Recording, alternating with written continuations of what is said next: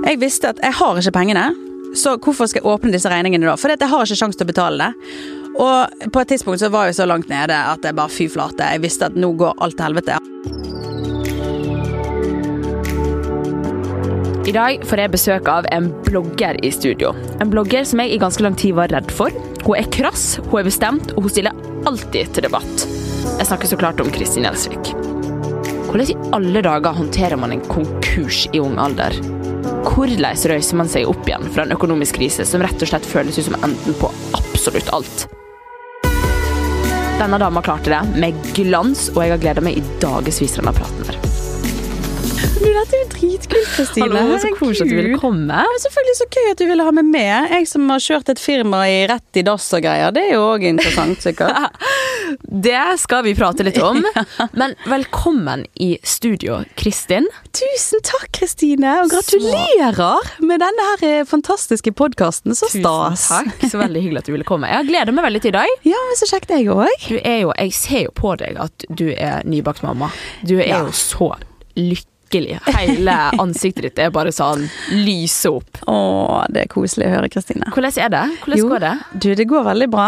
Jeg har jo han med her i dag, som du kanskje hører og ser. Vi har med en liten baby i studio. Ja, I dag er det rett og slett en liten baby med i studio. Det var jo, Jeg vet ikke om det var så veldig smart, men eh, det er noe hyggelig. Men babylyder er veldig behagelig. Ja, det er jo egentlig Så egentlig hvis det. dere hører litt sånn babylyder her Håper dere liker det. Ja. Vi får krysse fingrene. Og blir litt sånn rolig av det. Nei, men livet er jo snudd på hodet, da. Det er jo det. Så, eh, men det er jo veldig, veldig koselig, da. Og nå må jeg bare lære meg til å på en måte slappe litt av, da. Og senke skuldrene og prøve å flytte fokuset litt, egentlig. Kristin, du blir jo for mange oppfatta som en krass, litt sånn sinna bergenser. Ja. Har du, har du alltid vært sånn? Åh, jeg har eh, kanskje ikke alltid vært så sint, men jeg har vært veldig brautende, alltid. Jeg har jo alltid tatt mye plass, det må jeg jo innrømme. Eh, og jeg tror det kommer litt av stjernetegnet, jeg da. Jeg er jo løve. Og løver, de, de liker å, å være litt sånn midtpunkt og skrike høyt, egentlig. Pluss at du er bergenser, og de er ofte litt sånn tydelige. Ja, ja, vi er jo i grunnen det. Ja. Eh, men det er òg liksom viktig for meg å, å oppfatte som Ja, kanskje jeg er litt streng, men at jeg er tydelig, da. At jeg ikke bare skriker for å skrike, men at jeg har på en måte en mening og et mål med Ja. det jeg skriker ut, på en måte. Absolutt. Det er jo litt spesielt, da, for da jeg var veldig mye yngre, altså typ sånn fem, seks, da hadde jeg lyst til å bli dirigent. Oi! liksom, what? Veldig spesielt. Har du spilt noe instrument? Nei, altså, jeg spilte litt fiolin, bare sånn typ to uker. Gikk ikke så bra. Fiolin er så fint. Jo, men det er så fint. Jeg hadde jo en drøm om å bli fiolinist. Altså, mitt største forbilde var jo Arve Tellefsen den gangen. Gud, så stas. Det her visste jeg ikke. Så Arve Tellefsen, det er jo sånn Altså, jeg har alltid elsket fiolin, og han spesielt, da. Og syns det er så fantastisk. Og det kommer nok fra at um, det ble spilt veldig mye på plate hos mormor og morfar. Jeg vokste opp i samme hus som de, så det var veldig mye musikk hjemme hos oss. Eh, både via platespiller, men også for mormor spilte piano, og min morfar spilte klarinett. Oi, så du kom fra en musikalsk familie? Jeg gjorde i grunnen det, og hadde jo alle forutsetninger for å på en måte bli god på et instrument. sant? Jeg hadde jo en fantastisk pianolærer i første etasje i huset vårt, sant? men jeg benyttet meg jo aldri av anledningen, så det er jeg veldig lei meg for nå. Og du som er så flink på piano, sant? jeg bare ser det å herregud, jeg kunne jo faktisk Ja, men jeg, jeg, er, Liksom- jeg er kronisk sinna på mamma og pappa for de ikke tvang meg til å lære piano da jeg var yngre. ja, Men hvorfor tvang ikke våre foreldre oss til å liksom Jeg kunne brukt 16 år av livet mitt starten av livet mitt på å lære meg piano. Ja. Hva, hva gjorde jeg? Ingenting. Nei, nettopp, det er jo det. Helt idiotisk. Så det er sånn søren heller. eh, at, eh, ja, at vi ikke var liksom litt mer sånn interessert i Men du ville bli dirigent? Jeg ville bli dirigent. Eh, veldig rart, altså, men jeg syns det så så stilig ut å komme ut på en scene i det der antrekket og liksom Ja, ja. lede en hel forsamling. Det var sikkert det at jeg ønsket å lede en gruppe mennesker. Ja, for du er en leder. Ja, jeg vil si det. Og så var det vel sikkert noe med den applausen han fikk. Han fikk jo veldig mye applaus, den dirigenten. Så, så da jeg var liten, så likte jeg jo å stå på en scene og få applaus. Så det kan jo ha noe med det å gjøre. Men, eh, men dirigent, det var faktisk noe jeg virkelig hadde lyst til å bli. Herregud, så stas. Ja, det- Det var overraskende. Ja. Men eh, du Kristin er jo for mange en veldig stor rollemodell. Et godt forbilde, tror jeg mange kan si seg enig i. Det er hyggelig å høre. Men det kunne jo blitt litt annerledes. Ja, det kunne det. Fordi da du var yngre, så drev jo du med ting som var langt, langt ifra sunt. Ja, Absolutt. Har du lyst til å fortelle litt om dette her? Ja, det kan jeg jo absolutt gjøre. Eh, dette er jo noe jeg egentlig har holdt veldig sånn for meg sjøl lenge, og det var jo først i et VG-intervju, eh, var det i fjor, at jeg virkelig åpnet meg opp i et portrettintervju, da. Fortalte liksom litt om denne tiden der jeg havnet på kjøret, rett og slett. Eh, og det var jo i, i ung alder, så gud, jeg skal jo helt ned i 14-årsalderen, da jeg først begynte å eksperimentere med narkotika. Det var jo hasj i starten. Det var jo på en måte der det begynte, og det er jo ofte der det begynner for de fleste. At du begynner litt sånn stille og rolig, og så blir du litt nysgjerrig, og så fortsetter det med litt skumlere saker. Um, og det var veldig rart, for det var jo Altså, jeg ble jo litt sånn inspirert, da, av en en, eh, en jente som begynte i klassen, som ble en rollemodell for meg. Sant? En jeg så veldig opp til. Hun var så kul, hun var pen, og hun var litt sånn guttejente. Sant? Og, og fikk veldig mange gode eh, venner blant gutta boys. Sant? Var litt sånn kul jente på skolen. Eh, og, og hun drev jo med litt sånn ting som ikke var helt greit. Lett å kopiere. Ja, veldig Sant? lett å kopiere. Hun er kul, hun gjør det. Ja. Prøver vi det. Jeg gjør det samme. Siste år på ungdomsskolen eh, Hvor gammel er man da? 16? Nei, 15? Ja. Ja. Så sånn siste år på ungdomsskolen, første år på videregående. Jeg tror det var de mest heavy årene. Eh, da var det altså ecstasy og amfetamin hver eneste helg. Eh, og sånn spesielt 16-17-årsalderen, da. For da var det jo på en måte da var du jo gammel nok til at du kunne være alene hjemme, sant? Ja. Og at dine foreldre liksom stoler på at du, at du er en good girl, sant? Og oppfører deg fint. Um, du sitter ikke med barnevakt når du er 16. Nei, ikke sant? For jeg hadde jo en mor som var 100 til stede, og jeg hadde jo besteforeldre i samme hus. Hadde jo eh, onkler og tanter som stilte opp, sånn, selv om jeg ikke hadde en far som alltid var til stede. Mm. Men, men altså, jeg hadde jo alt jeg kunne ønske meg, plutselig til. Men det handlet rett og slett om at jeg hadde et så stort forbilde, Ja. og jeg hadde jeg var så nysgjerrig, sant? Og, og jeg tenkte ikke konsekvenser. Og det gjør man jo gjerne ikke ofte i den alderen der, sant. Ja. Mm.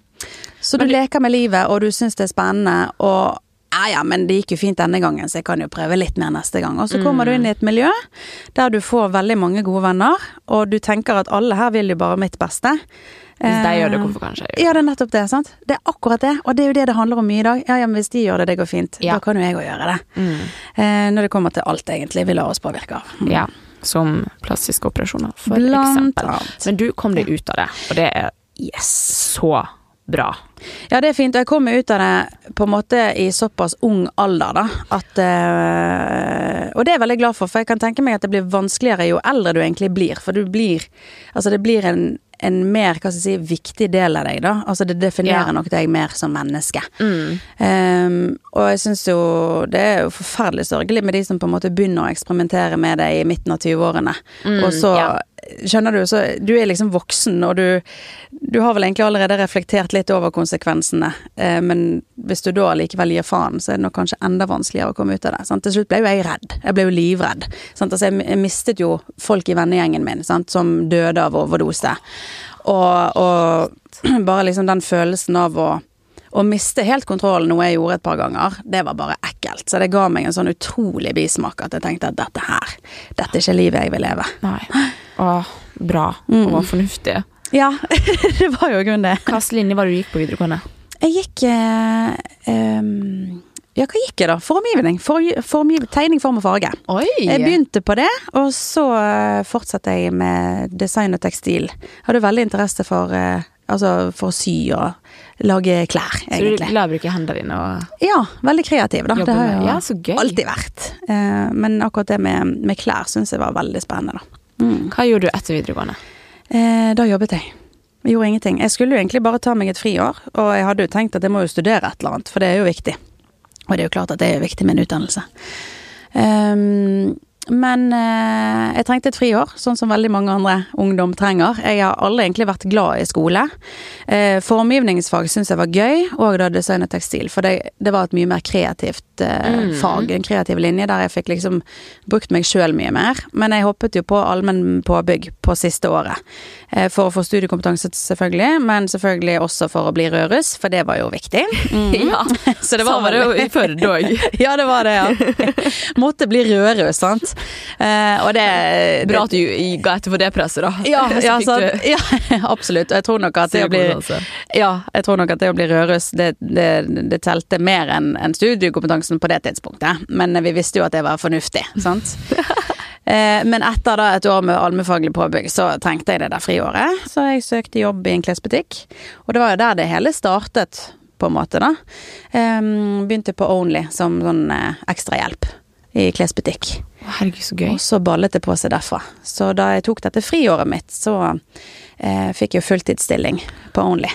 Jeg da- skulle egentlig jobbe på Only. Å, skulle du? Ja, jeg, ja. jeg kom inn på, prøv, eh, på intervju, og så da gikk jeg i 9. klasse.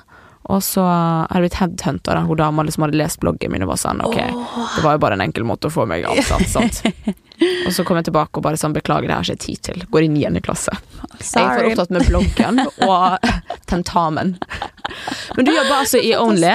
Jeg jobbet i Only og begynte som sagt da som ekstrahjelp, og det var så gøy. Og det var et så bra arbeidsmiljø, og jeg koste meg sånn med å brette klær og syntes det der var kjempestas. da, Kundebehandling og ja. Stas. Ja da.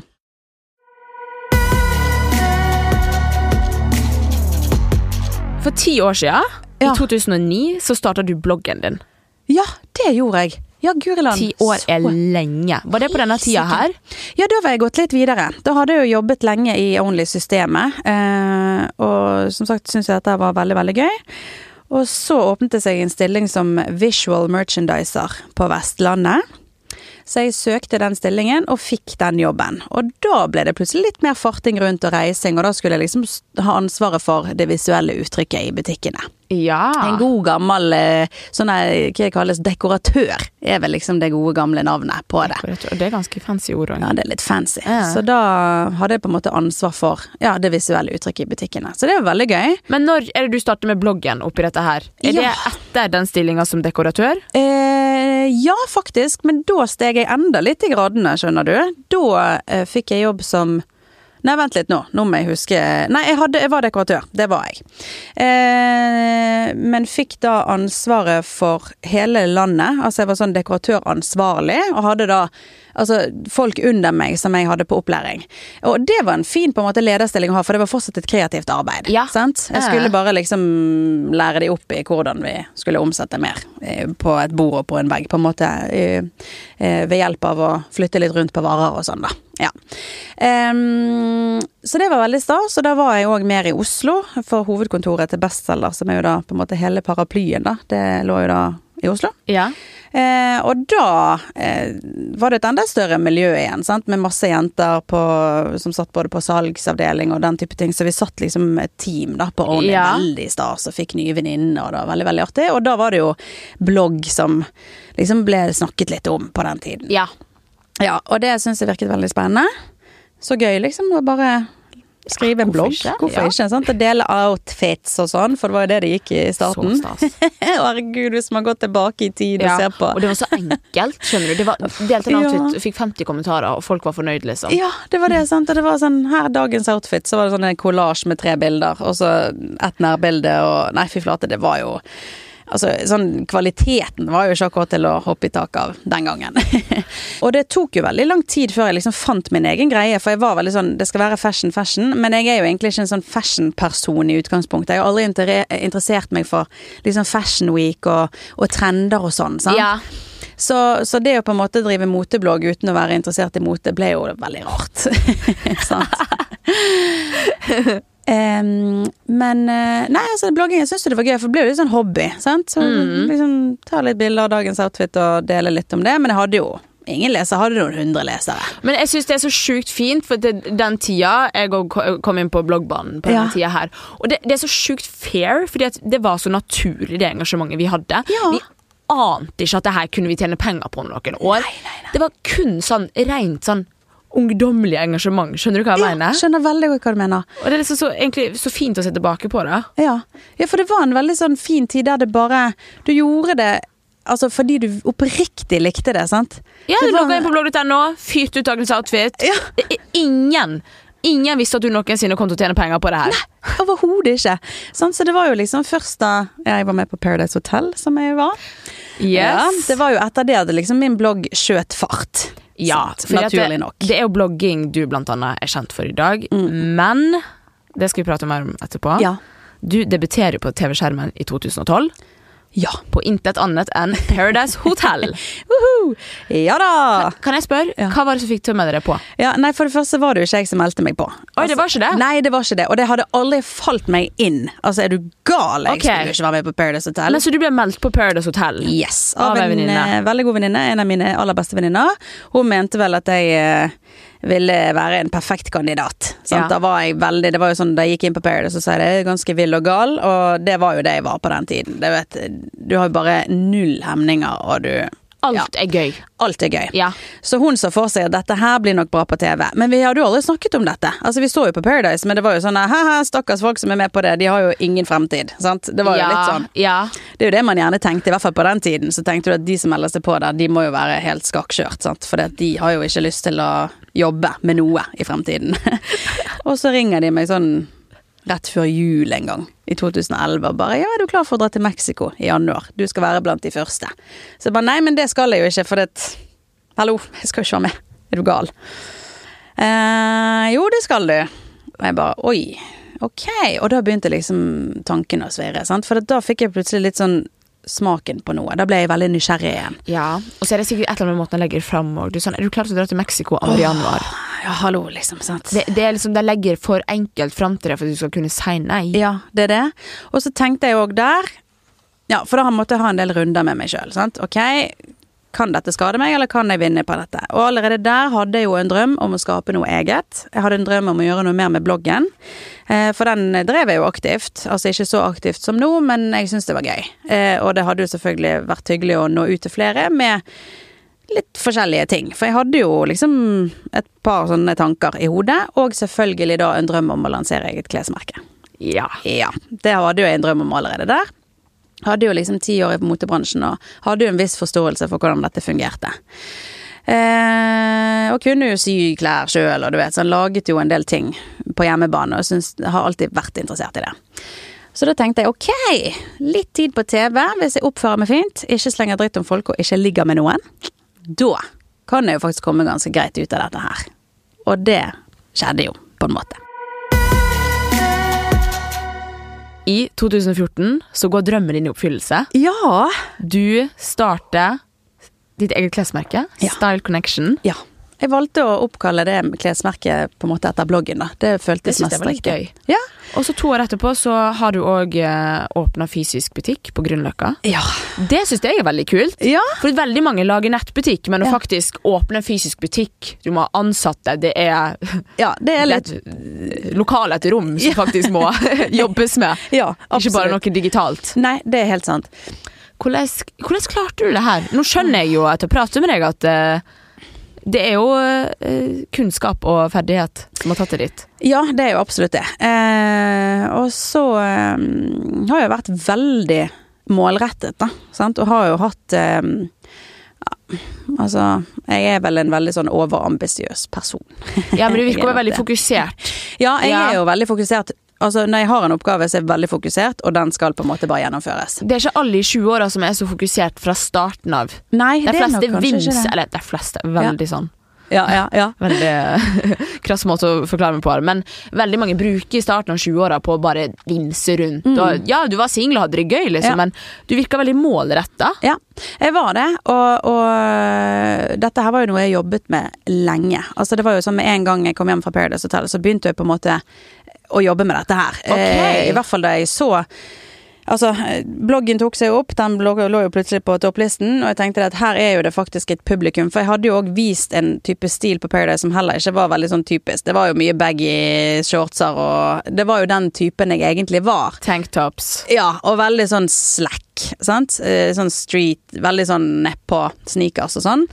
Um, mye baggy jeans. Og det var jo ehm, Da jeg så liksom litt kommentarene jeg fikk fra leserne òg, at å herregud, så kult å se for det var litt sånn disse antrekkene jeg delte på bloggen. sant? Så kult å se noe helt annet enn det som Ja. er sånn typisk Mote-Norge. sant? For da fulgte de fleste liksom strømmen, dette var trendy, og sånn gikk man kledd. Mens her kom det en med neon og sånne psykedeliske mønstre og baggy jeans, og det var veldig rart plutselig. sant? Eh, eh, litt annerledes, og det syntes folk var kult. Og da tenkte Ja. jeg ok, men det er et marked for det jeg har lyst til å skape. Der er jo kundene mine, Hvor gammel var du her? Eh, ja, da var jeg vel 25. Så jeg var jo faktisk eh, Jeg var jo men, litt, litt hei, voksen. Du var jo, ja. Men uh, Det høres du tenkt nøye gjennom alt, da. Bare det her Ja. etter Paradise, målgruppe. Ja da, ja da. Jeg, jeg var jo jeg tenkte jo veldig nøye over alt dette her, og det var jo Jeg hadde jo en plan bak alt. Ja, idé og konsept var liksom Mm. eh, allerede i full sving. Ja, det var det. Men hvordan var det da å åpne butikk og ha ditt eget klesmerke? Guri malla. Det var jo ufattelig stort. Altså når jeg da kunne liksom gå ut med denne hemmeligheten som jeg hadde båret på lenge. For det var jo mye jobb, som, som sagt rett etter Paradise. Det var jo fortsatt 2012, og det var jo i 2014 jeg lanserte. Så det var jo to år. Jeg jobbet veldig aktivt eh, for å få dette opp å stå.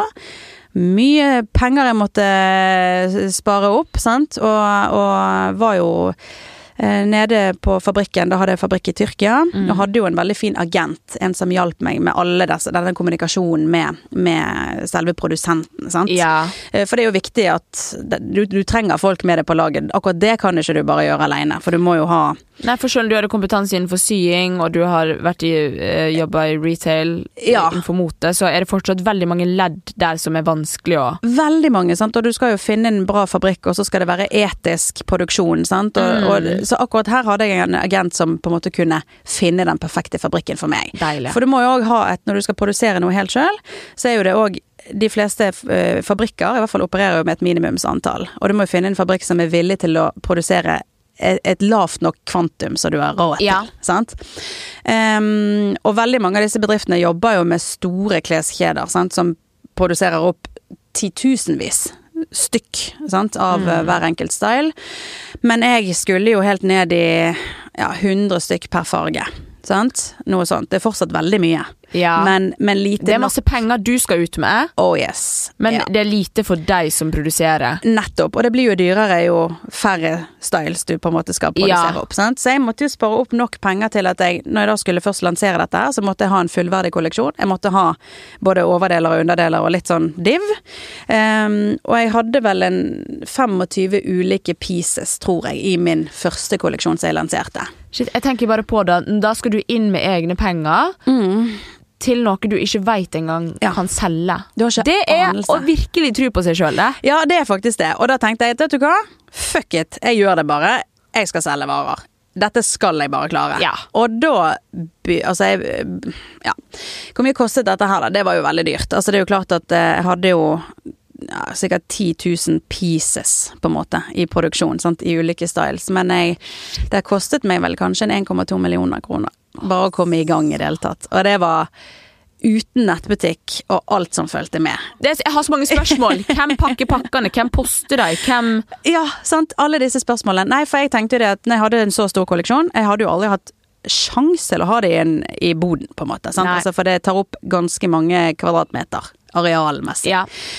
Så jeg eh, leiet jo da lagertjenester og eh, folk som kunne pakke for meg. Sant? Så da når ti- bestillingene tikket inn, så gikk det rett til dette lageret, som da pakket varene fortløpende og sendte ut. Eh, så det var jo det mest praktiske, men ekstremt kostbart. Ikke minst. Det koster jo en formue, sant? for du må legge på litt ekstra. Eh, og så skal jo du ha varene inn til Norge, og det skal gjennom importmoms, som koster mye. Det er 25% av totalverdi. Det her høres ut som en, eh, Det høres ut som at du måtte gjennom sjukt mange sånne prosesser. Sånne Ja. prosesser som jeg hater. Ja, Du vet ja. sånn, du har lyst til å ringe pappa eller mamma og spørre, men de er ikke i situasjonen, så de vet heller egentlig ikke. Nei, nei, Og det de er har heller ikke laga eget klesmerke. Ingen som vet noe, så det var veldig mye sånn Google search, sant. Og så heldigvis hadde du denne agenten som kunne en del ting. Men det å finne en nettbutikk, det er jo bare basert på liksom det du googler det frem til, og du spør folk om råd. Er det noen som har erfaringer, sant? Ja, men Hadde du grafisk designer, for eksempel? Eh, ja, det hadde jeg jo òg, og det er jo selvfølgelig Det koster kostbar penger. affære. Ja, og, og bare hele nettbutikkløsningen, sant, som må ligge inne hos noen. Det er jo- er jo en tjeneste som koster penger. Alt Ja. koster jo penger. Og det å bygge opp nettbutikken tror jeg kostet 100 000 kroner, sant, for at den skulle fungere med alt av betalingsløsninger, at du har liksom Klarna, du har alle disse tingene her, sant, som, Mm. som skal flyte og gå, um, uten at det skulle være For du har jo sånn gratistjenester, sånn dinnettbutikk.no. Ja. Men, men jeg ville jo ha et eget domene, og jeg ville jo at ting skulle flyte. Ja, ja, ja. Men det er selvfølgelig ekstremt mange ting, og bare det å tenke på at du skal vareregistrere, varemerkeregistrering, så du òg må få igjennom, og du må jo få godkjent eh, altså bruken av varemerket i Norge. Sant? Og sørge for at ingen andre som bruker det. Det koster penger, du skal gjennom oh, x antall mailer med forskjellige advokater og alt mulig. Så det var jo en ekstremt heftig prosess. Så prosess. voksen du må ha blitt på den. Det her er så masse voksenoperasjoner. Ja, det er så mange ja. ledd her som krever at du har en voksen, et voksent sinn.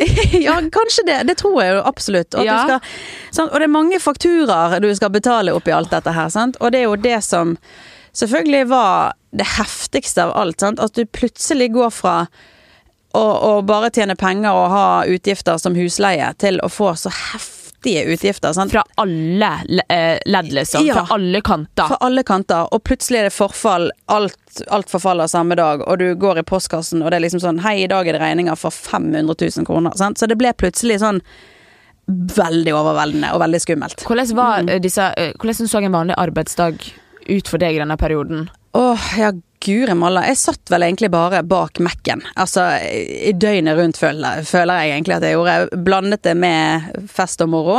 Jeg Ja. satt fyllesyk, og igjen oppdaterte liksom den her både blogg og nettbutikk, for alt skulle på en måte Jeg gjorde jo alt samtidig, for da var jo bloggen min også ganske stabil. Eh, Ja. Jeg var med på bloggerne på den tiden, em, og drev med nettbutikken, så det var jo ganske mye ting å henge fingeren i. Mm. Men tre år etter oppstart, Mm. så blir Star Connection slått konkurs. Ja.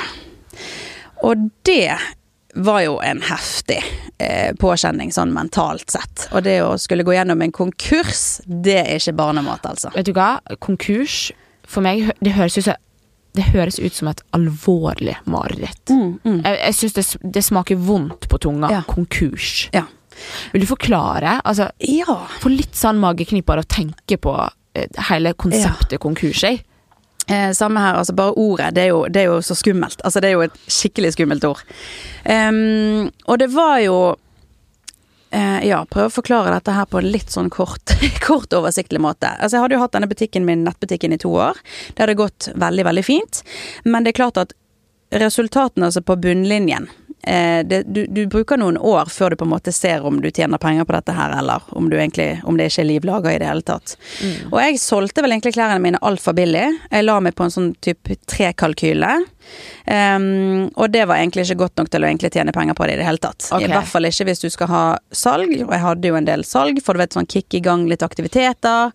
Gikk på en stor smell og ga alle kundene fri frakt de første tre ukene av nettbutikken eh, etter den ble lansert, og det er jo penger som går rett ut fra egen lomme. Sant? Ja. Så allerede i starten hadde jeg et minusregnskap, på en måte. Sant? Da hadde jeg allerede gått 150 000 i minus på, på porto, som jeg sjøl måtte dekke fra egen lomme, som jeg ikke hadde tenkt over at jeg måtte på en måte hente inn igjen andre steder. Sant? Da burde jeg jo heller Det kunne funket hvis hvis jeg solgte klærne mine litt dyrere. At jeg hadde mer å gå på, men jeg hadde egentlig ingenting å gå på. så Det er derfor det, det koster å Ja. lage. Ja. Det koster. Ja, det koster så sykt mye. Så Men jeg det husker, jeg, det koster ikke så masse for klærne dine. Nei. Eller jeg syns det var ganske sånn ålreite priser. Ja, og det var i grunnen det. Og det, jeg tenkte jo at jeg må jo på en måte ligge på et sånn type Big Bock-nivå. Hvis jeg også skal kunne selge til det som på en måte er min målgruppe. Men, men i forhold til at det var etisk produsert, og det var ganske dyrt å produsere disse klærne, så jeg la jo meg på et helt galt prisnivå. Ja, fordi at uh, jeg ser jo for meg at uh, det man kanskje burde selge en tanktop til 799, liksom. Men det Ja. blir for dyrt for 15 år gamle jenter, da. Nettopp, sant. Det at, og det hadde jeg ikke hatt muligheten til med tanke på at jeg hadde ganske mange. Jeg hadde jo, altså Minimumsordren min var 100 stykk, det fikk jeg i noen styles, men ellers måtte jeg opp i 200 stykk, altså. Per style. Og noen, eh, noen, eh, noen produkter, noen varer funket jo bare ikke. Så da er du på en måte låst inne med en sweat som ikke selger, og du har 200 stykker av den. Sant? Så du må jo sette i gang tiltak. Sette det ned i pris, sette på salg, men da taper du så sykt mye penger. Så det, det som egentlig skjedde Altså, jeg solgte jo masse for flere millioner kroner, men det gikk jo egentlig Jeg gikk jo egentlig bare i dundrende underskudd, egentlig uten å vite det før det hadde i hvert fall gått to år. Og da prøvde jeg på en litt sånn brannslukking, for jeg tenkte at ok, det som spiser mest av eh, det som kommer inn, det er porto. Sant? Okay. For det kostet sykt mye. Jeg hadde jo riktignok en sånn fastpris på 79, så kundene måtte betale når de bestilte varer hos meg. Men, men eh, det var veldig mye tunge hoodies, sant? og de kostet gjerne 150 kroner å selge. Men hadde du fortsatt fri frakt, da? Nei da, jeg hadde ikke det. Nei, jeg skjønte nei, nei. det etter tre uker at shit, dette er jo faktisk du- penger. Ja, for fikk du henta det inn igjen, da. Egentlig aldri. Jeg fikk aldri hentet meg inn igjen. Så allerede der så lå jeg bakpå. Så likviditeten i mitt firma har egentlig alltid vært ræv, for å si det Mm. sånn. Sant? Jeg, har, liksom, jeg vet at det kommer penger inn, men de er aldri på plass når jeg skal betale regninger. Sant? Men så kjipt, fordi at, uh, fordi at du solgte jo kjempebra. Mm. Og det, det syntes liksom ikke da, fordi at uh, du hadde tabba deg ut med sånne små faktorer. Ja, egentlig, men du ser jo der og da altså det, det er synlig der og da at 'oi, jeg selger jo varer', men når det kommer til stykket det er da du innser at ja, men herregud, dette går jo ikke rundt i det hele tatt. Sant? Så jeg skjønte jo det at ok, frakten er den som egentlig fucker opp for meg i størst grad, så den må jeg kvitte meg med. Jeg må kvitte meg med det leddet. Lagertjenesten. Jeg må åpne fysisk butikk istedenfor. Det var på en måte det jeg tenkte at ok, dette kan være en, en, en måte å, å kutte kostnader. Smart. Men um, uh, men også fordi at jeg hadde òg en drøm om å ha min egen butikk på Grünerløkka. En koselig liten sånn nisjebutikk, lokal sjappe, sant. Der jeg kunne på en måte skape eh, ja, et lite sånt eh, univers, bare helt sånn eh, Det, det personlig sånn, personlig stil. du kan peke på det, og det er, der er butikken min. Det har en adresse. Det, Ja. er, det er mennesker som jobber der. Du kan gå inn og ta på plagga. Ja, nettopp. For det var jo òg litt det jeg ønsket. For jeg hadde veldig gode kvaliteter, og det var jo det viktig for meg òg å jobbe med. Eh, og jeg ønsket òg et sted der ja, både blogglesere og, og ja, følgere du vet, kunne komme innom og eh, slå av en prat. Og det ble litt sånn sone der. Jeg har hatt veldig mange fine samtaler med blogglesere i sofaen der, da. Og buder på litt kaffe, og hadde alltid litt sånn snacks stående fremme på bordet og sånn. Så det ble veldig koselig. Men gikk det fint, da? Fra når du åpna nettbutikk på Grünerløkka, Ja, hvordan gikk det derfra? Eh, da gikk det vel egentlig bare til helvete, uten at jeg helt kunne se det eh, før det egentlig var for seint. For jeg hadde kunder, og jeg omsatte, men det var også dager der det ikke var et eneste menneske innom, og jeg hadde jo fortsatt en ganske høy husleie. Eh, så selv om jeg på en måte kunne si at ok, jeg omsetter for ganske greit i måneden, så, så henger det jo ikke på greip med, med kostnad på egen Altså på, på nye klær, for jeg måtte jo hele tiden bestille inn nye klær, sant. Altså jeg må jo be- sette i gang en ny kolleksjon, produsere flere varer, tegne Ja. flere klær. Um, og det For det er litt sånn Ok, du har eh, egentlig ikke penger, eh, men butikken din er tom for varer. Du må jo produsere opp mer. Sånn, så det blir en sånn Ja, Du klarer ikke å selge hvis ikke du har klær i butikken heller. Sant? Jeg bare synes Det virker så forvirrende, for man, det virker som at det er vanskelig å ha oversikt. Ja. Sånn, så det virker som at du måtte ikke helt forsto at det gikk til helvete. Fordi at Ja. eh, det er så mange ting å holde koll på sa- på samme tid. Så å, ja, men folk kjøper tinga, det går fint. Ja, rett og slett. Og, og, og jeg var jo ekstremt dårlig med alt som på en måte gikk forbi det kreative. Sant? Regnskap, altså alle disse tingene, forholde seg til tall. Altså jeg, Hadde du regnskapsfører? ja, jeg hadde det. Ja. Eh, dessverre så eh, Altså, jeg vet jo at alt er jo min feil til syvende og sist, for jeg var daglig leder og styreformann og alt. Altså, jeg drev jo dette firmaet alene. Jeg burde jo sett at det kanskje oppsto et par problemer eh, før det på en måte var for seint.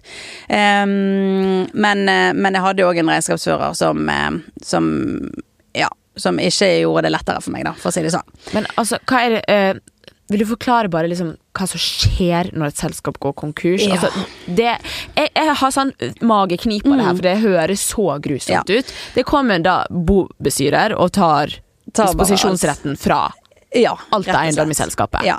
Altså det som skjer, altså det er jo en lang prosess, så du får jo veldig mange sjanser til på en måte rydde opp etter deg, da. Det gjør du. Ja. Um, så du får men, men alt er så skummelt, sånn, for du får plutselig et brev, og så er det sånn varsel Altså sånn, så er det først en konkursbegjæring, og det høres jo så skummelt ut. De breva fra Ja. alt som er fra liksom Oslo kemnerkontor, Skatteetaten, de er så krasse og aggressive Ja, det er før du har åpna er konvolutten. Det er helt forferdelig, så de burde egentlig kommet i sånn dus rosa, med liksom bamser på, eller noe sånt. Ja. Hei, Kristin!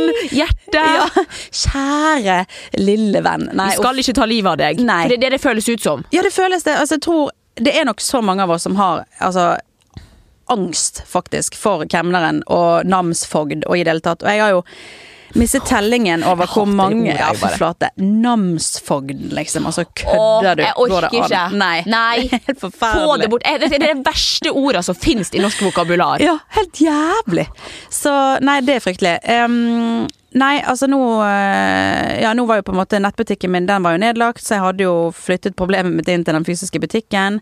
Hadde som sagt dårlig likviditet. Du får ikke betalt regningene dine når du skal. Du vet at penger kommer, men du må egentlig bare vente til pengene kommer før du får betalt noe. Og så er det rente. Så er det renter, og Gebyr. renter for, ja, sant? Ja. og det løper, og det var jo et AS jeg hadde, sant? og det var eh, arbeidsgiveravgift, og det var alle disse eh, av, altså ekstraavgiftene, på en måte, eh, som, som eh, jeg rett og slett ikke hadde liksom tatt helt høyde for, da.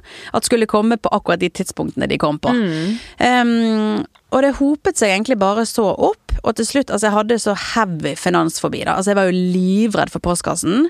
Eh, jeg bare latet som at den ikke eksisterte. Ja. Sant? Og det er nok veldig mange som også, når du vet at du er i et skikkelig uføre, du stikker hodet i sanden, du bare går forbi postkassen og later som at den ikke er der, og da tror du at ja ja, men nå går det greit. Og jeg kan faktisk forstå det. For Ja. det er sikkert så vondt å åpne det brevet at det, Vet du hva? Det er enklere å gå forbi. Du vet at du hopper bukk over problemet, Ja, ja. men du orker ikke. Du orker bare ikke å ta tak i det. Og det var sånn Jeg visste at jeg har ikke pengene, så hvorfor skal jeg åpne disse regningene da? For jeg har ikke sjanse til å betale det.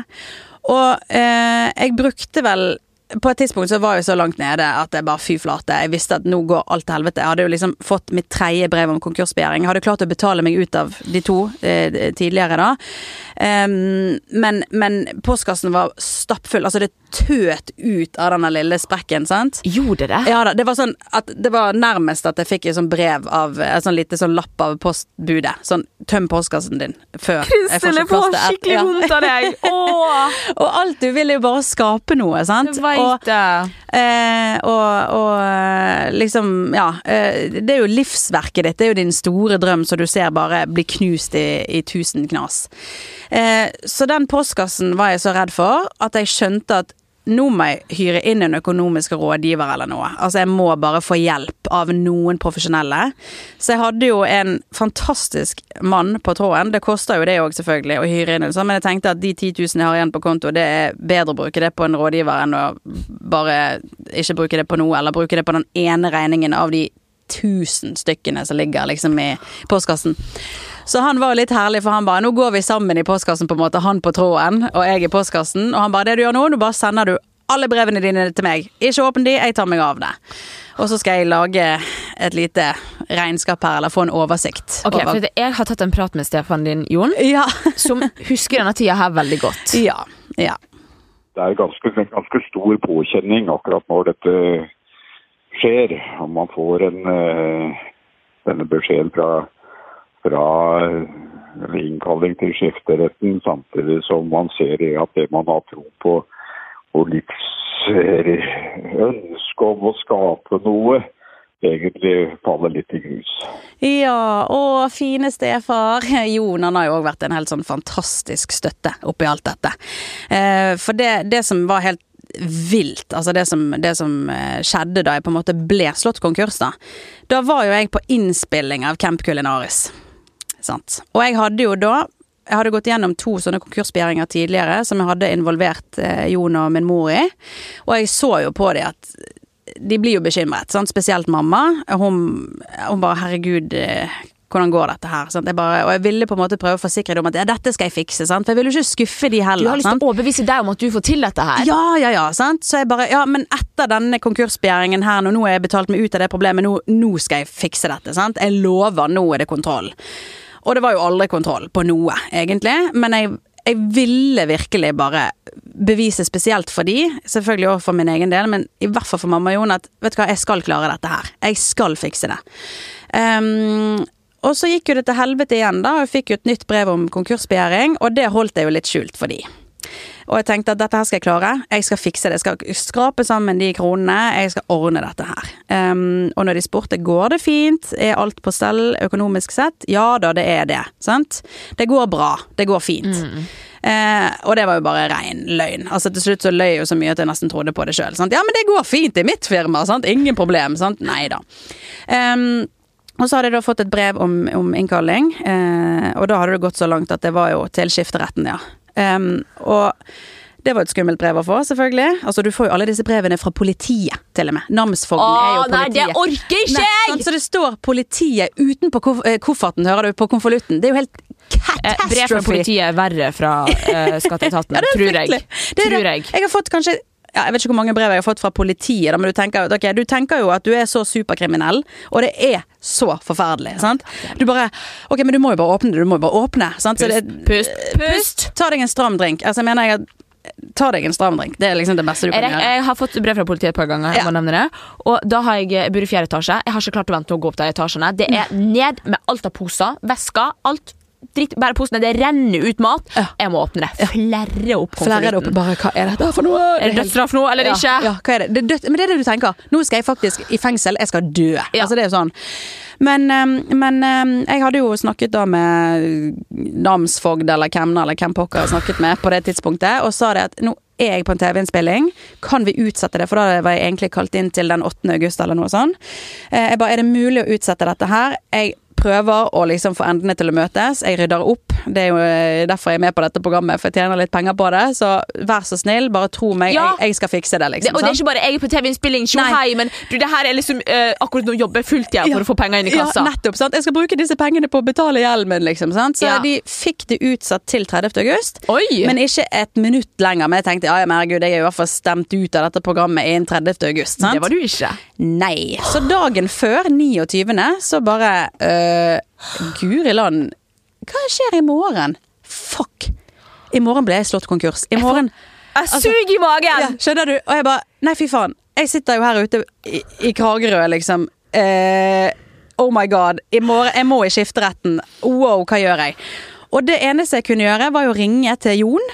Sant? Og jeg hadde ikke sett han på en måned, liksom. Og bare Hei, min kjære, fantastiske stefar. Hvordan er dagen? Den er fin, ja. Du, jeg bare lurte på en ting.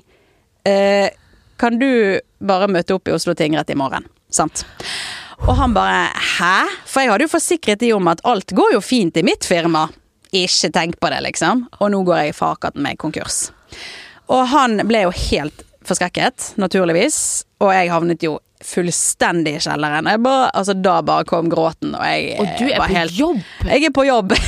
sånn sitter jo langt pokker i valuti. Men avbryter du? Er du midt i innspilling eller fritid? Eller, jeg, jeg, det her høres helt traumatisk ut for meg. Ja, ja. Nei da, jeg fortsetter jo innspillingen. Eh, og klarer liksom å legge det fra meg, og, og, og blir jo da enig med Jon. Altså, vi fikk en veldig god samtale, og han hørte jo at jeg var jo helt knust, han måtte jo på en måte være den snille, myke mannen, og ikke være strenge Jon. han Ja, er. han er, en, han er klippet for hele familien. Han er helt fantastisk. Og det viktigste var jo, for jeg hadde jo òg snakket med, med disse her eh, som kalte meg inn til dette her, bostyrer eller hvem. Søren. Um, ja, disse folka på Oslo byfogdembete heter det vel. Ah, Og jeg sa jo det at beklager, men jeg er fortsatt på innspilling, liksom. Er det mulig å få enda en utsettelse? Og det var det ikke. De bare men send noen i hvert fall, for ellers så får du sånn uteblivelsesdom. Og det er jo i hvert fall ikke bra. ok, ja. Så han bare du kan sende hvem som helst. Sant? I ditt sted, på en måte. Så send noen. Så da fant jeg ut at jeg måtte sende Jon. Og han var jo verdens fineste eh, og sa det at slapp av, jeg skal møte i retten i morgen for deg. Dette ordner vi sammen, liksom. For nå begynner jeg å tenke, Hva er det verste som kan skje?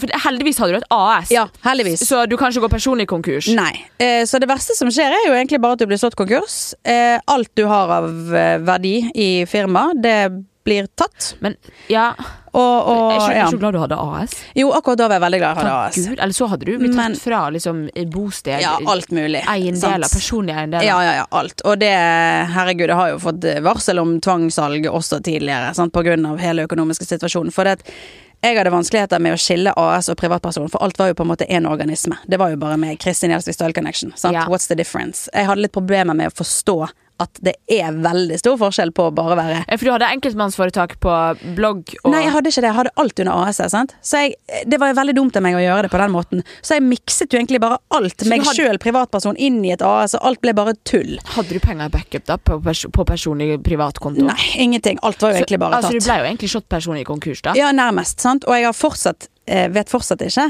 eh, dommen. sant? Altså Det kan fortsatt være at jeg må betale Har ikke fått masse masse penger. Nei, så Vi har ikke på en måte funnet ut the, the final eh, Ja, rett og slett dommen, da. Hva jeg skal Men du er en snill person, det her må ordne seg. Ja, det må ordne seg, ja. Jeg sa at du var et slem, men skjønner du hva jeg mener? Det må ordne seg for deg. Jeg håper jo det. Ja. Nei, så, så det er jo klart at um, Nei, Jon møtte i retten, vi hadde en veldig fin samtale etterpå. Jeg hadde jo egentlig ikke tilgang på telefon på dette tidspunktet, men produksjonen var jo veldig grei og ga meg liksom noen minutter her og der, så jeg kunne på en måte få orden på dette. Jeg var jo veldig åpen også med, med, med produksjonen at uh, nå går jeg konkurs, og sa det til alle deltakerne, så vi kunne på en måte ha litt sånne fine samtaler om det, da. For det er jo klart at Sånn, folkens, livet mitt blir slått konkurs hjemme i Oslo nå. Ja, så det var sånn Nå tar vi en skål, vi fikk en flaske vin, og så bare prøver vi å overleve, liksom. Ja, Ja. det var veldig fint. For det å gå gjennom noe sånt alene er veldig tøft. Å Ja. gå gjennom det i det hele tatt. For det er eh, Det er en så stor mental påkjenning, og det å få en telefon eh, Jeg fikk jo da òg en telefon fra, fra retten, det var jo òg av Jon, da, etter de hadde vært i skifteretten. Da hadde jo de blitt enige om at nå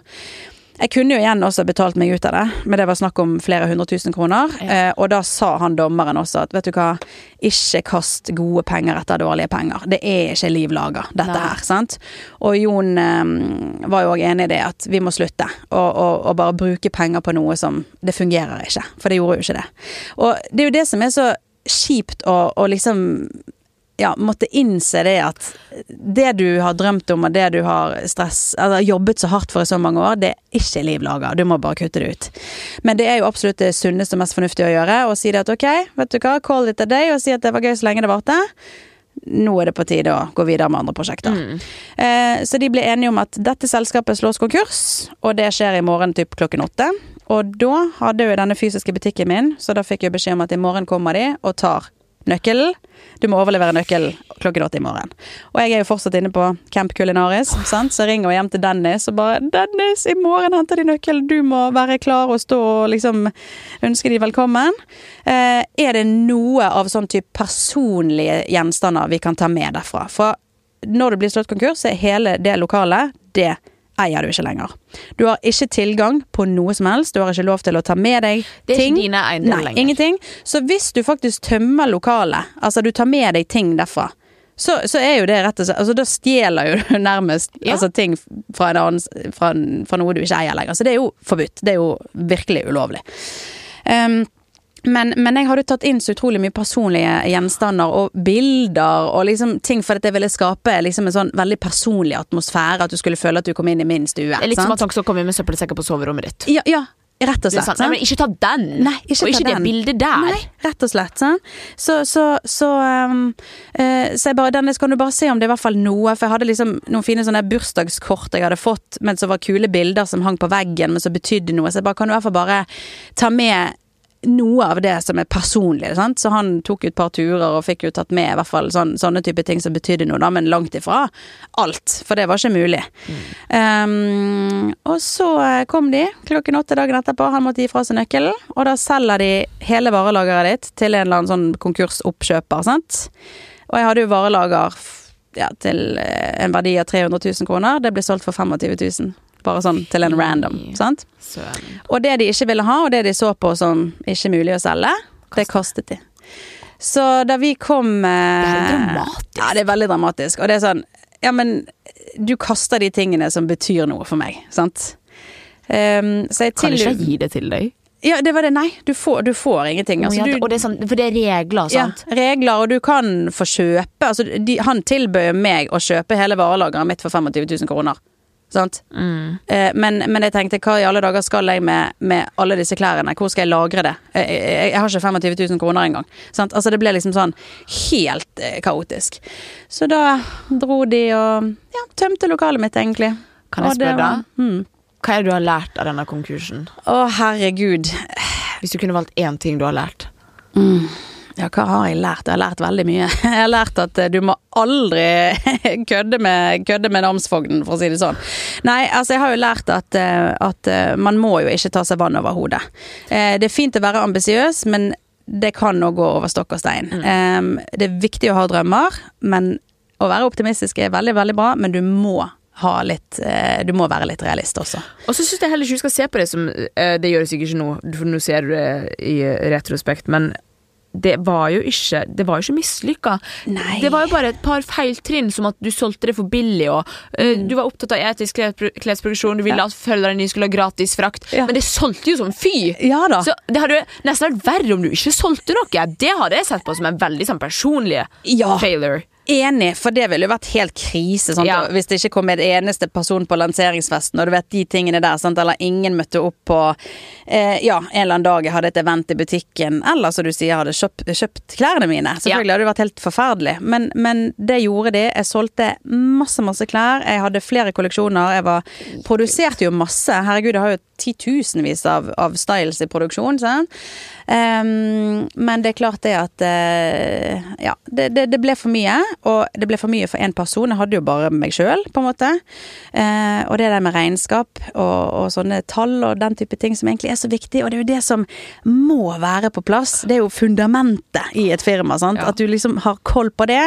Eh, det er veldig viktig å faktisk eh, ta på alvor, altså. Eh, for det så jeg for meg at ja, ja, men det ordner seg litt, den der holdningen til det. Og det er ikke en god holdning å ha når det kommer til, til det som skal på en måte holde firmaet oppe.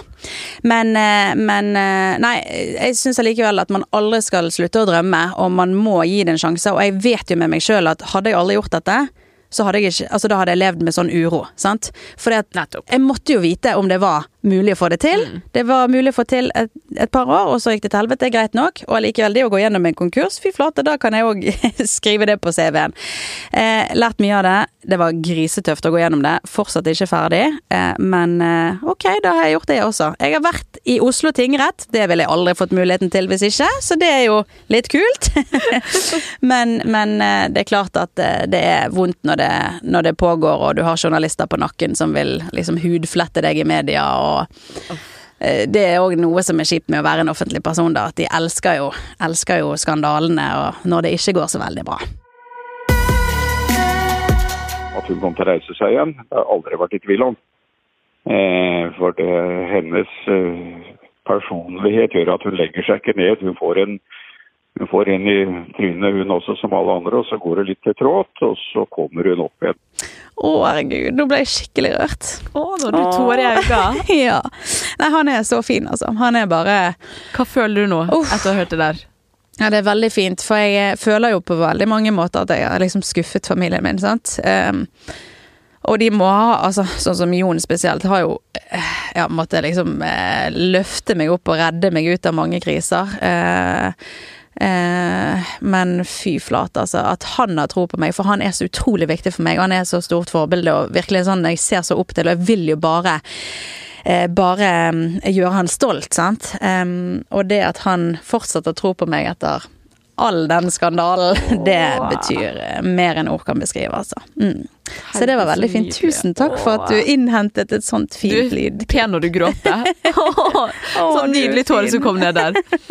Nei, men eh, herregud, så deilig å høre at han, han var aldri i tvil om at du kom til å reise deg igjen. Åh, det er Så veldig fint. Du fortsetter altså med businessen din, blogg og YouTube, og du gir i tillegg ut boka Bra nok med Cappelen Dam. Ja, guri, det gjorde jeg òg, oppi alt dette. Herregud. Hvordan kom det naturlig for deg å bare fortsette å gønne på på den måten? Ja, det gjorde det. Altså, jeg må jo bare. Hva skal jeg gjøre? Det hjelper jo ikke å legge seg ned og begynne å grine, liksom. Altså, det, da kommer du ingen vei. Så du må jo bare fortsette å gi jernet og gønne på. Eh, og jeg har mange flere prosjekter i loopen og ting jeg ønsker å, å gjennomføre, og kanskje det til og med blir en ny bok. Altså, sant, det er mye spennende som kan skje, men, men det viktigste er jo bare aldri gi seg og stå på, altså. Kan jeg spørre om eh, den konkursen som skjedde eh, i 2017, påvirker den økonomien din i dag? Har du pengeangst? Eh, ja, det tror jeg at jeg alltid vil liksom ha litt etter en sånn type konkurs. da. Men jeg har jo fått en større respekt for økonomi, penger i det hele tatt. Eh, vi sløser, det gjør vi alle sammen. Eh, men, men det er klart det at eh, disse brevene fra kemneren og skatteetaten og sånn, da, de, de lar jeg ikke ligge i en skuff lenger. Jeg åpner de. Ja. Så det har i hvert fall skjedd Det noe er det der. enkleste å åpne deg. Ja, man må åpne de, og faktisk så er disse folka på skatteetaten ganske greie. Så hvis man åpner brevet i god tid, og hvis man har problemer med å betale hele beløpet inn i en gang, ta opp telefonen, ring inn, forklar situasjonen, og så får man mest sannsynlig i hvert fall delt opp betalingen, kanskje til og med en utsettelse.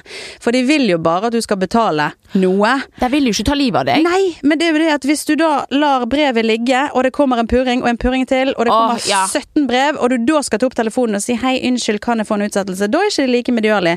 Så det å bare ta tak i problemet med en gang. Ja.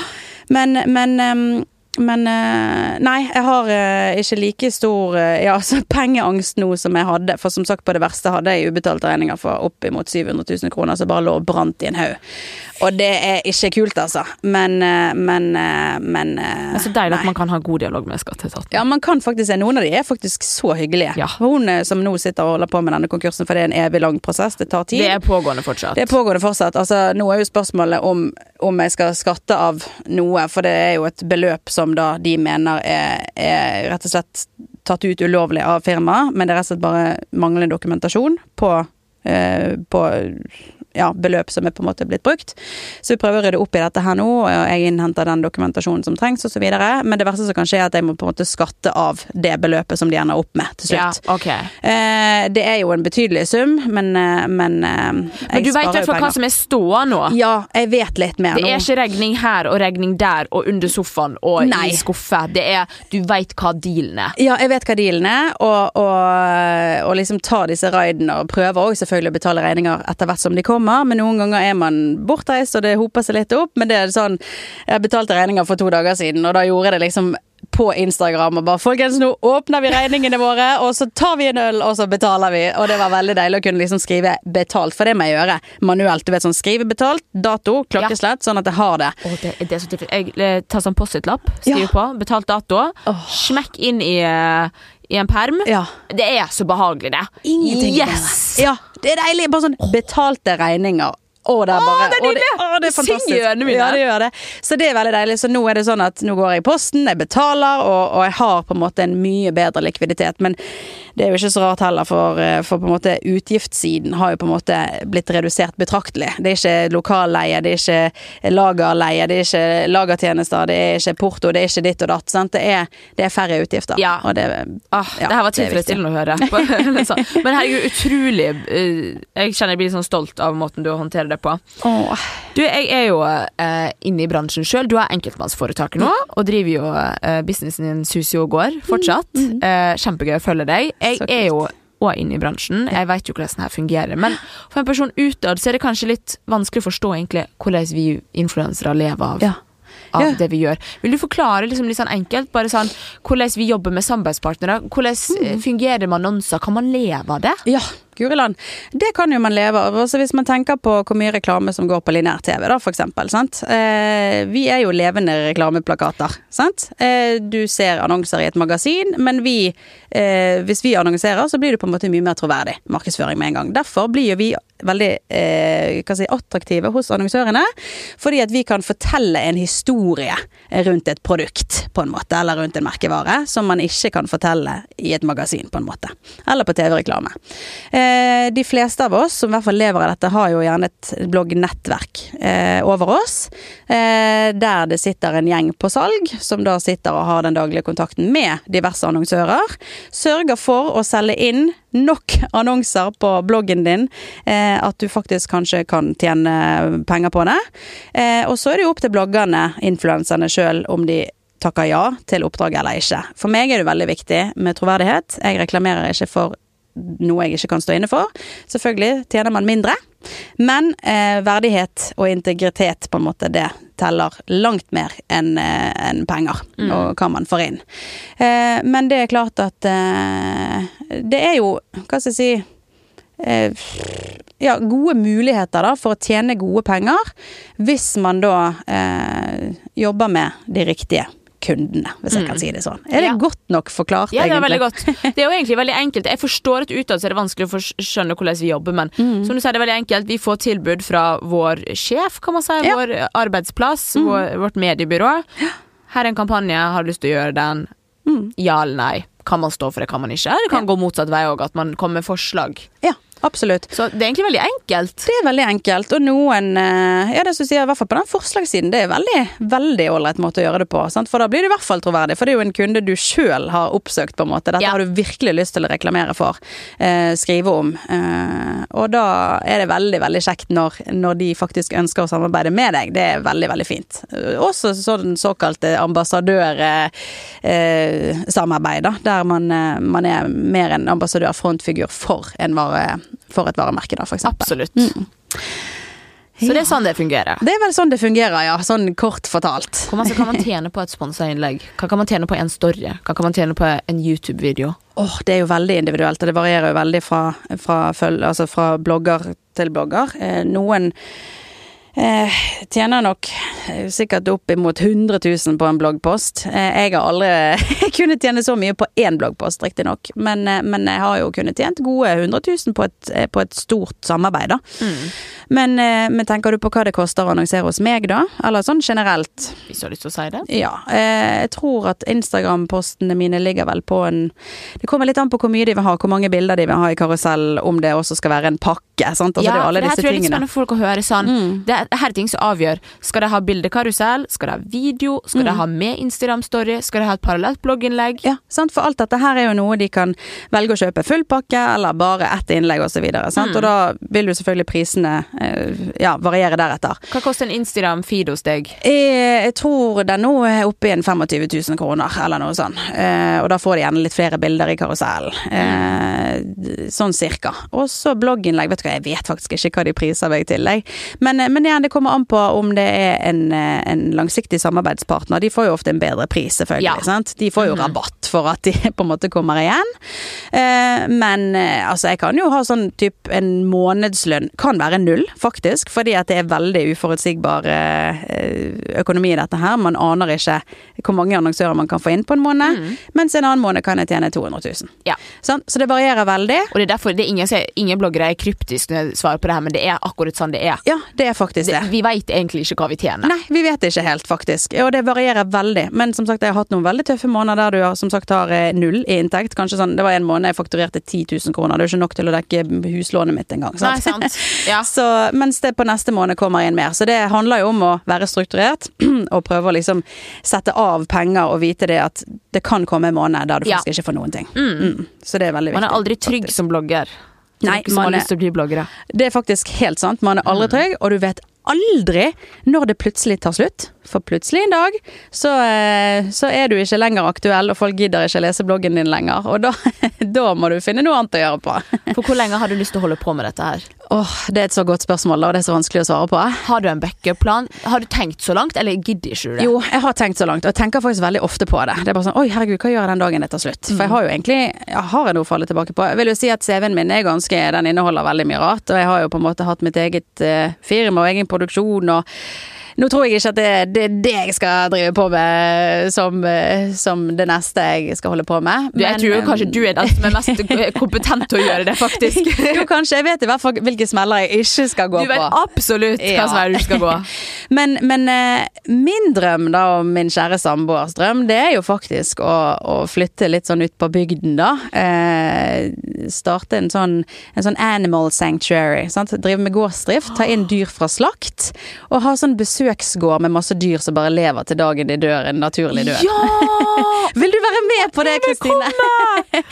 Så det er jo noe jeg sånn ser for meg langt frem i tid, men da Og må vi ha at du, du har en sann, konkret drøm. Ja. Så deilig. Ja, så det er noe jeg virkelig oppriktig håper vi skal klare å få til. Da må vi jo sikkert eh, lære litt sånn om, om gårdsdrift, da. Eh, Jeg vet ikke helt hvordan jeg skal tilegne meg den kunnskapen, men jeg skal nok Men du kan eh, alltid lære nye ting. Ja, Det ser ikke ut som du er en person som sliter med det. Nei, jeg tror nok at eh, det skal gå fint. Men det er i hvert fall sånn en mål Eller eh, eh, dette er i hvert fall en, en drøm langt der fremme. Og så får vi jo se da hvor lenge folk syns det er interessant å høre på hun den der brautende bergenseren prate.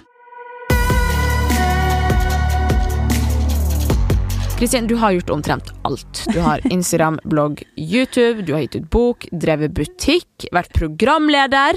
Herregud. Ja, guri malla, jeg har gjort mye. Og du stiller opp støtt og stadig i debatt. Hva er det du angrer på? Ingenting.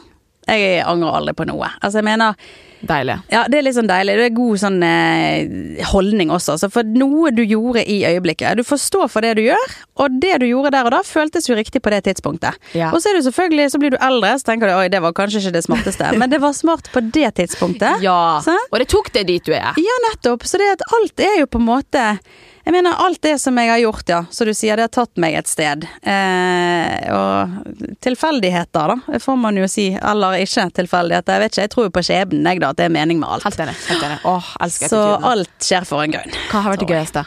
Åh, eh, sånn Hvis man ser på alt, på en Karrieren måte. din. Du har et langt, oh. flott karriereløp her. jeg har jo i grunnen det. Altså, det var jo veldig gøy å, å, um, å være sånn eh, retail manager for Only og reise rundt i Norge og du vet, møte masse spennende mennesker. Men det å, å faktisk drive eget firma og designe dine egne klær, og, og, og se en idé på et papir produseres og komme ut som en sykt kul T-skjorte, eksempel. Det er jo helt fantastisk. Og det å kunne kle seg opp i dagens outfit, og det er din egen kolleksjon, Ah, det er ganske rått, altså. Så jeg må jo si at det er vel egentlig det kuleste, og det som har gitt meg mest sånn på alle plan. eh, Både oppturer og nedturer, for å si. Hva er grunnen til at akkurat du har lykkes, tror du? Det er jo umulig å si, men, eh, men eh, de som lykkes, er de som som, som har en plan, eller som har i hvert fall et mål. Sant? Du ønsker virkelig noe, og du jobber hardt for å, for å nå eh, det målet, den drømmen. Da. Eh, så være litt målrettet. Eh, jeg tror nok kanskje det er det, da. Og det at jeg er meg sjøl. Og det er jo litt sånn klisjé å si, men, men man må være seg sjøl, og så må du ha Kanskje det lille ekstra, da. Og du må tørre å by på deg sjøl. Du må liksom tilføre samfunnet noe. Og jeg føler jo Ja. at at jeg gjør det. At det ikke er helt sånn tanketomt innhold jeg bjuder på med. Sant? Og det er jo viktig Du er veldig flink til å tørre. Ja. Jeg, for eksempel, jeg så den videoen um, som var opphavet til debatten med deg Ja. og Sofie Elise, Mm. som er bare sånn ehm, Retorikken din og måten du tør å stå fram på. Jeg bare satt i lys av meg sjøl, så tror jeg aldri jeg hadde turt det. Hva er det som Nei. gjør at du tør det? Nei, det Uavhengig av hvem som er mottakeren eller hva som er tema, men det at du tør å legge ut en Mm. sånn video og være så bastant. Ja, nei, for jeg er jo veldig bastant. Jeg er jo det. Men, eh, men et ord som beskriver meg godt, er jo at jeg er fryktløs. Ja, det var det. jeg skulle faktisk si ordet fryktløs Ja. her nå i stad. Og det er jo òg sikkert eh, en viktig faktor for at jeg har kommet dit jeg har kommet i dag, og at jeg eh, eh, Ja, rett og slett at jeg har kommet dit jeg har kommet i dag. Eh, jeg er fryktløs. Det er ingenting som skremmer meg. Eh, bortsett fra kremleren. Ja. men, men nå har jeg søren meg vært i Oslo tingrett òg og sett at Men nå er jeg ikke eh, redd for deg heller. Nei, altså det tok ikke livet av meg. Eh, Det verste som kan skje er jo at jeg havner i fengsel og blir der i 30 dager. Kanskje. Eh, Det kan faktisk skje. Men eh, da har jeg gjort det òg. Så spennende, da. Å være liksom nybakt mamma, sitter i fengsel. Jeg vet ikke om det hadde vært Det hadde jo vært noe å skrive om, da, på bloggen. 10 dag, 30 dager i fengsel. Fengsel minutt for minutt. Nei, uff a Jeg har ofte tenkt på bare det å være ti dager i fengsel. Det er ganske masse. Ja. Skjønner ingenting, så er det, det er ti Du- dager i fengsel. Ja, det er det. Men er du litt nysgjerrig? Jeg er litt nysgjerrig på hvordan det er. Ja. Litt keen på å prøve en Bare gang. bitte Men nå jinxer jeg det, så jeg ja. Nei. Nei, uff a meg. Men du- skal holde oss unna fengsel, Kristine. Ja, vi gjør det. Men du, du, nå har jo du kommet med veldig mange gode råd her, syns Mm. Men hvis du kunne valgt ett av dem, og vært sånn Hva er ditt beste råd til deg som sitter her nå og lytter? Sånn generelt sett, sånn innenfor karriere. Ja, for å nå drømmene dine. Oi, oi, oi. Um, ja, ett godt, konkret råd. Ja, altså eh, Du må ikke være redd for å, å, for å bruke tid på jobb, på en måte. Altså, du må være dedikert. Dedikert i noe. Gå all in, da. All in. Gå all in. Eh, og tenk det at eh, ja, det er kjekt med fritid, og det er veldig digg å ligge på sofaen, men skal du virkelig klare å nå eh, alle dine mål, så nås ikke de ved å ligge strak ut på en sofa. Så du må være klar for å gi jernet, da. Og bare gå all in.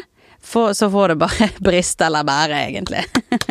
Fantastisk! Åh. Nå har Falk faktisk ligget her og sovet ved siden av oss under hele denne inspirerende samtalen. Synd han ikke fikk det med seg. Ja, det var det, vet du. Han bare ligger her og du vet, bare nyter, nyter tilværelsen. Tusen hjertelig takk for besøket, Kristin. Å, men tusen takk for at jeg fikk komme, Kristine. Det er en stor ære å få lov til å sitte her i stolen. Det var veldig inspirerende og veldig behagelig og deilig å høre på hvordan du tok det gjennom eh, en konkurs. Det syns jeg Og tusen takk til stefar Jon Sverre Lund Ja. for info i forkant. Ja. Herlig. Han er fantastisk.